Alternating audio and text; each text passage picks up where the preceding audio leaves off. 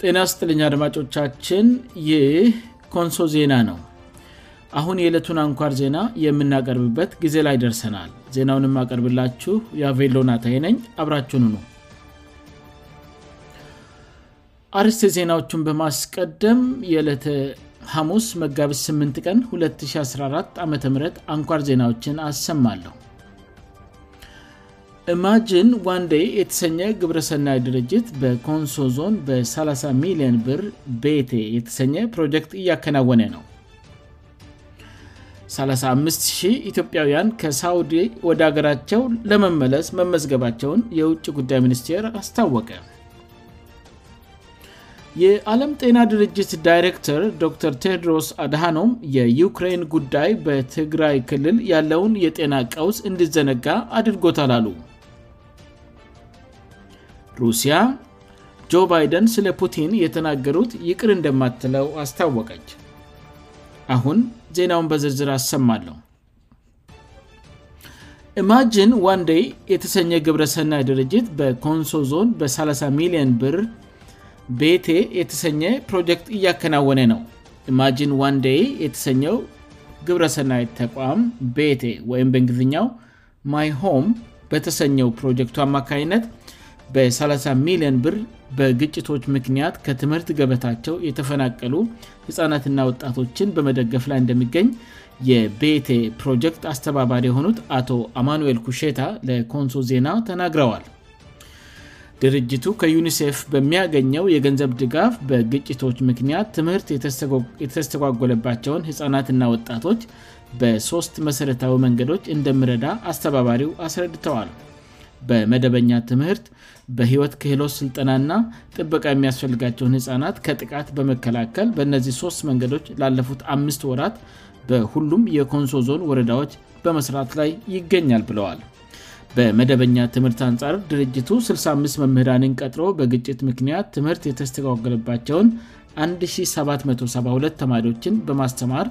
ከሌሎች ኩዮቻቸው ወደኋላ እንዳይቀሩ ከፍተኛ ጥረት ላይ ከፍተኛ ጥረት በማድረግ ላይ መሆኑም ተገልጿል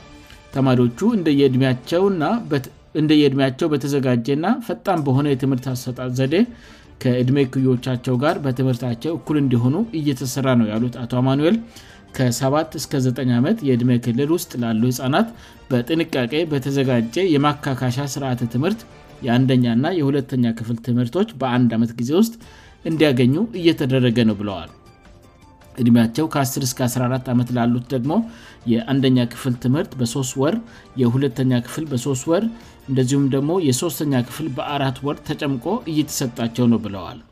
እነዚህ ቁጥራቸው ከላይ የተገለጸ ተማሪዎች በሰገን ዙሪያ ወረዳ 29 ጣቢያዎች በካረ ዙሪያ ወረዳ 13 ጣቢያዎች በከና ወረዳ 13 ጣቢያዎችና በኮልሜ ባሉ 10 ጣቢያዎች በጠቅላላው በ65 ጣቢያዎች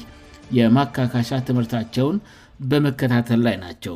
ድርጅቱ በሰገን ዙሪያ ሁ በካረዝ ዙሪያ ሁለት ና በኮልሜ አንድ ባለ ሁለት ክፍል ትምህርት ቤቶችንም የገነባ ሲሆን ከ4400 በላይ ለሚሆኑ ተማሪዎችም የትምህርት መርጃ መሣሪያዎችና ቁሳቁሶችን መደገፉን ከአስተባባሪው ማብራሪያ ለመረዳት ተችሏል በህይወት ክህሎት አንጻሪም ድርጅቱ 19 ቴክኒካል 19 የቴክኒካል ሙያ መምህራንን ቀጥሮእና ከኮንሶ ዞን ቴክኒክና ሙያ ኮሌጅ ጋር በመተባበር በካረዙሪያ በሰገንዙሪያ በከና ና በኮልሜ ወረዳዎች ዕድሜያቸው ከ15-ስ18 ዓመት ለሚሆኑ 2344 ወጣቶች የህይወት ክህሎስ ሥልጠና ሰጥቶ ከትላን ጀምሮ በማስመረቅ ላይ ይገኛል የህይወት ክህሎስ ሥልጠናው የ3ት ወራት ወይም የ90 ቀናት የንድፈ ሃሳብ ትምህርት ና የ1ስር ቀናት የተግባር ሥልጠና በአጠቃላይ የመቶ ቀናት ሥልጠና ያለው መሆኑ የተገለጸ ሲሆን ሳሙና ማምረት የግንባታ ሥራዎች የፀጉርና የውበስ ስራዎች የምግብ አዘገጃጀትና ሌሎችንም ከህሎቶች ያካተተ ነው ተብሏል በህፃናት ጥበቃ በኩልም ድርጅቱ በግጭቶቹ ወቅት ከወላጆቻቸው የተለያዩ 278 ህፃናትን ወደ ወላጆቻቸው የቀላቀለ ሲሆን በግጭቶቹ ወቅት ወላጆቻቸውን ያጡ 400 ህፃናት የስረ ልቦና የህክምናና እንደ ዊልቸር መነፅርና ክራንች የመሳሰሉ ድጋፎችንም አድርጓል በሺዎች ለሚቆጠሩ ህፃናትም የአልባሳት ድጋፍ ማድረጉም ታውቋል ፆታ ተኮር ጥቃቶችንም ለመከላከል 16 ባለሙያዎችን ቀጥሮ በሁሉም ወረዳዎች ማሰማራቱን የቤቴ ፕሮጀክት አስተባባሪ የሆኑት አቶ አማኖል ኩሼታ ለኮንሶ ዜና ተናግረዋል የፕሮጀክቱ የመጀመሪያ ዙር ቆይታ ለ1ስር ወራት እንደሚሆንም ተገልጿል ኢማጂን ዋንዴ የተሰኘው ድርጅት የዛሬ 15 ዓመት ገደማ በካናዳ ሀገር የተቋቋመ ሲሆን በዋናነት በኢትዮጵያ ውስጥ በትምህርት ተደራሽነትና ጥራት ላይ የሚሠራ ድርጅት ነው ከኮንሶ ዞን በተጨማሪ በኦሮሚያ በአማራ በቤንሻንጉል ጉምዝ በአፋሪና በትግራይ ክልሎችም ፕሮጀክቶችን ነድፎ ይሠራል ይህ ኮንሶ ዜና ነው 35 0 ኢትዮጵያውያን ከሳውዲ ወደ አገራቸው ለመመለስ መመዝገባቸውን የውጭ ጉዳይ ሚኒስቴር ገለጸ የውጭ ጉዳይ ሚኒስቴር ቃል አቀባይ አምባሳደር ዲና ሙፍቲ ዛሬ በሰጡት ጋዜጣዊ መግለጫ በሳውዲ አረቢያ ባሉ እስር ቤቶችና መጠለያ ጣቢያዎች ውስጥ ከ10000 በላይ ኢትዮጵያውያን መኖራቸውን ተናግረዋል እነዚህን ዜጎች ወደ አገራቸው ለመመለስ ከሳውዲ መንግስት ጋር ውይይት እንደቀጠለ መሆኑን የተናገሩት አምባሳደር ዲና እስካሁን ባለው ሂደት 3500 ዜጎች ወደ ሀገራቸው ለመመለስ ተመዝግበዋል ብለዋል በቀጣይ ጥቅት ቀናት ወደ አገራቸው መመለስ የሚፈልጉ ኢትዮጵያውያንን የመመለስ ስራው እንደምጀመር እና ፍላጎት ያላቸው ሌሎች ተጨማሪ ዜጎችን ለመለየት ምዝገባው እንደሚቀጥልም አክለዋል የዲፕሎማሲ ስራዎችን ለማሳለጥም ወደተለያዩ ሀገራት አዳድስ ዲፕሎማቶች መላካቸውንም ቃል አቀባዩ በዛሬው መግለጫቸው ተናግረዋል አሜሪካ ጃፓን ፓኪስታን ግብፅ ሞሮኮ ኤርትራ አውስትራሊያ ዚምባብዌ ደቡብ ኮሪያ ሩዋንዳ አረብ ምረትስ ስውድን ኩባ ኮት ዲር እና ሱዳን የአምባሳደሮች ምደባ የተደረገባቸው ሀገራት ናቸው የህዳሴው ግድብ የሶስትዮሽ ድርድር ሱዳን ባለመረጋጋት ውስጥ በመሆኗ እስካሁን መጀመር እንዳልተቻለም አምባሳደሩ ተናግረዋል የኢትዮጵያ ግብፅና ሱዳን ድርድር ሱዳን ወደ መረጋጋት ስትመጣ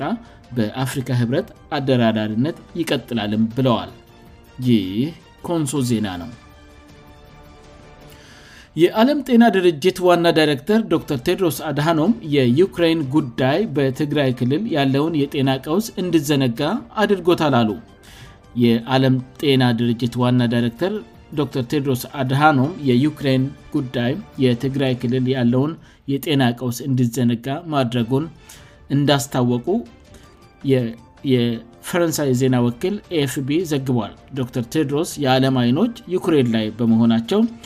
የትግራይ ክልል የጤና ቀውስ የተረሳ ነው ማለታቸውን የዜና ወኪሉ ዘግበዋል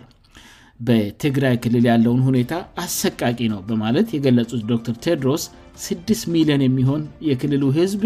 ለ500 ቀናት ያክል ከውጭ ዓለም ጋር እንዳይገናኝ ተደርጎ እንደተዘጋበት ነውም ብለዋል ከታይሳስ ወር አጋማስ ጀምሮ ምንም አይነት እርዳታ አልደረሰም ያሉት ዋና ዳረክተሩ በዓለም ጤና ድርጅት በተደረገ ግምገማ መሠረት የክልሉ 3 4ተኛ የጤና ተቋማት መውደማቸውን በሰጡት መግለጫ ተናግረዋል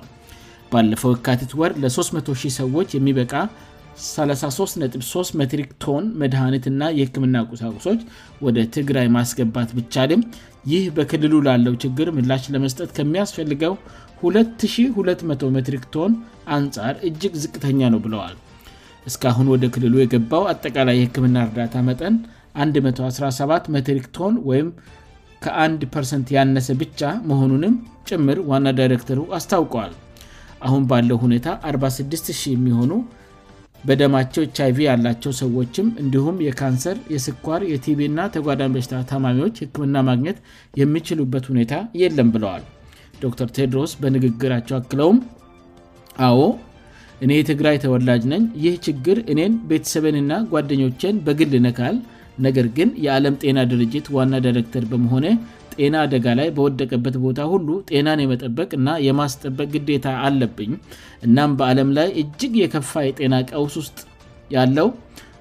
እቅታእናም በአለም ላይ እጅግ የከፋ የጤና ቀውስ ያለው በትግራይ ነው ሲሉም ተደምጠዋል ዶር ቴድሮስ በአፋርና በአማራ ክልል ያለው የሰብዊ ቀውስ ሁኔታ ከጊዜ ወደ ጊዜ እየተባባሴ መምጣቱንም ተናግረዋል በሁለቱም ክልሎች የመጠለያ የምግብና ህክምና ድጋፍ የሚሹ በ10 00ዎች የሚቆጠሩ ሰዎች መኖራቸውን የገለጹት ዋና ዳረክተሩ ተፈናቃዮቹን ለመርዳት የተለያዩ ሥራዎች ሲከናወኑ መቆየታቸውንም አስታውቀዋል ሆኖም ግን በአማራ ክልልና በአፋር ክልል በነበረው ጦርነት ስለወደሙ የጤና ተቋማት ከመናገር ተቆጥበዋል የኢትዮጵያ የውጭ ጉዳይ ሚኒስቴር ቃል አቀባይ አምባሳደር ዲና ሙፍቲ ዛሬ በሰጡት መግለጫቸው የዶክተር ቴድሮስ መግለጫን በማስመልከት ምላሽ ሰጥተዋል በምላሻቸውም ዋና ዳይረክተሩ እንደ ትግራይ ሁሉ በህወሀት ምክንያት በአማራና በአፋር የወደሙትን የጤና ተቋማት ጉዳይ ሊያሳስባቸው ይገባል ብለዋል የኢትዮጵያ መንግስት ከዚህ ቀደም ዶተር ቴድሮስ አዳኖም ከተጣለባቸው ኃላፍነት ውጭ በሽብርተኝነት ለተፈረጀው ህወሀት ያደላ የፖለቲካ ውግንና አሳይተዋል በምል ለዓለም ጤና ድርጅት መርማሪ ቦርድ የይመርመርልኝ ጥያቄ ከማቅረብ ደርሷል የድርጅቱ መርማሪ ቦርድ ይህ ችግር ውስብስብና ፖለቲካዊ መልክ ያለውና ከኮሚቴው የአሰራር ሂደት ውጭ የሆነም ጉዳይ ነው የሚል ምላሽ እንደተሰጠውም የምታወስ ነው ይህ ኮንሶ ዜና ነው ሩሲያ ጆ ባይደን ስለ ፑቲን የተናገሩትን ይቅር እንደማትለው አስታወቀች የአሜሪካው ፕሬዝደንት ጆ ባይደን የሩሲያ ውአቻቸው ቪላድሚር ፑቲን የጦር ወንጀለኛ ናቸው ብለው መናገራቸው ተቀባይነት እንደሌለው ሞስኮ ገልጻለች የክሬምልን ቃል አቀባይ ባይደን የተናገሩት ንግግር ተቀባይነት የሌለውና ይቅር የማ ይባል ነው ብለዋል ጆ ባይደን ለመገናኛ ብዙሀን በሰጡት መግለጫ ላድሚር ፑቲን የሀገራቸው ጦር ወደ ዩክሬን አስገብተው በተፈጸመው ክስተት የጦር ወንጀለኛ ናቸው ማለታቸው የሚታወስ ሲሆን ሩሲያ ደግሞ ይህንን ውድቅ አድርጋለች የሩሲያ ቤተመንግስት ቃል አቀባይ ዲሚትሪ ፔስኮቭ ዛሬ በሰጡት መግለጫ ፕሬዝደንት ባይደን የተናገሩትን ንግግር ተቀባይነት የሌለውእና መቼም ይቅር ማ ይባል ነው ብለዋል ቃል አቀባዩ በመላው ዓለም በመቶ ሺዎች የሚቆጠሩ ዜጎችን በቦምብ የምትደበድብ ሀገር የሩሲያን ፕሬዝደንት የጦር ወንጀለኛ የማለት ሞራል የላትም ስሉ ለሩሲያ ዜና አገልግሎት ታስ ተናግረዋል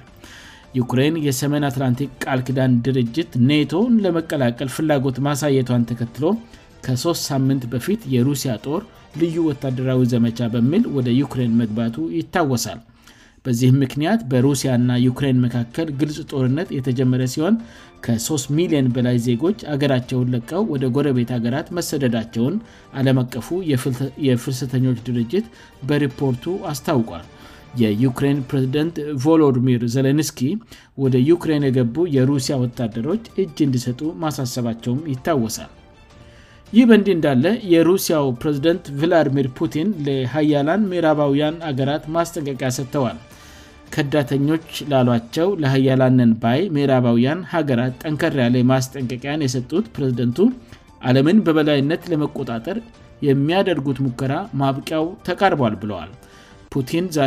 ሶስ ሳምንት ያስቆጠረውን የክሬን ጦርነት በተመለከተ ጠንከራ ያለ መግለጫ ሰጥተዋል ይህ ኮንሶ ዜና ነው አድማጮቻችን የእለቱን አንኳር ዜና ከማቅባት በፊት አርሲ ዜናዎቹን በድጋሚ አሰማለሁ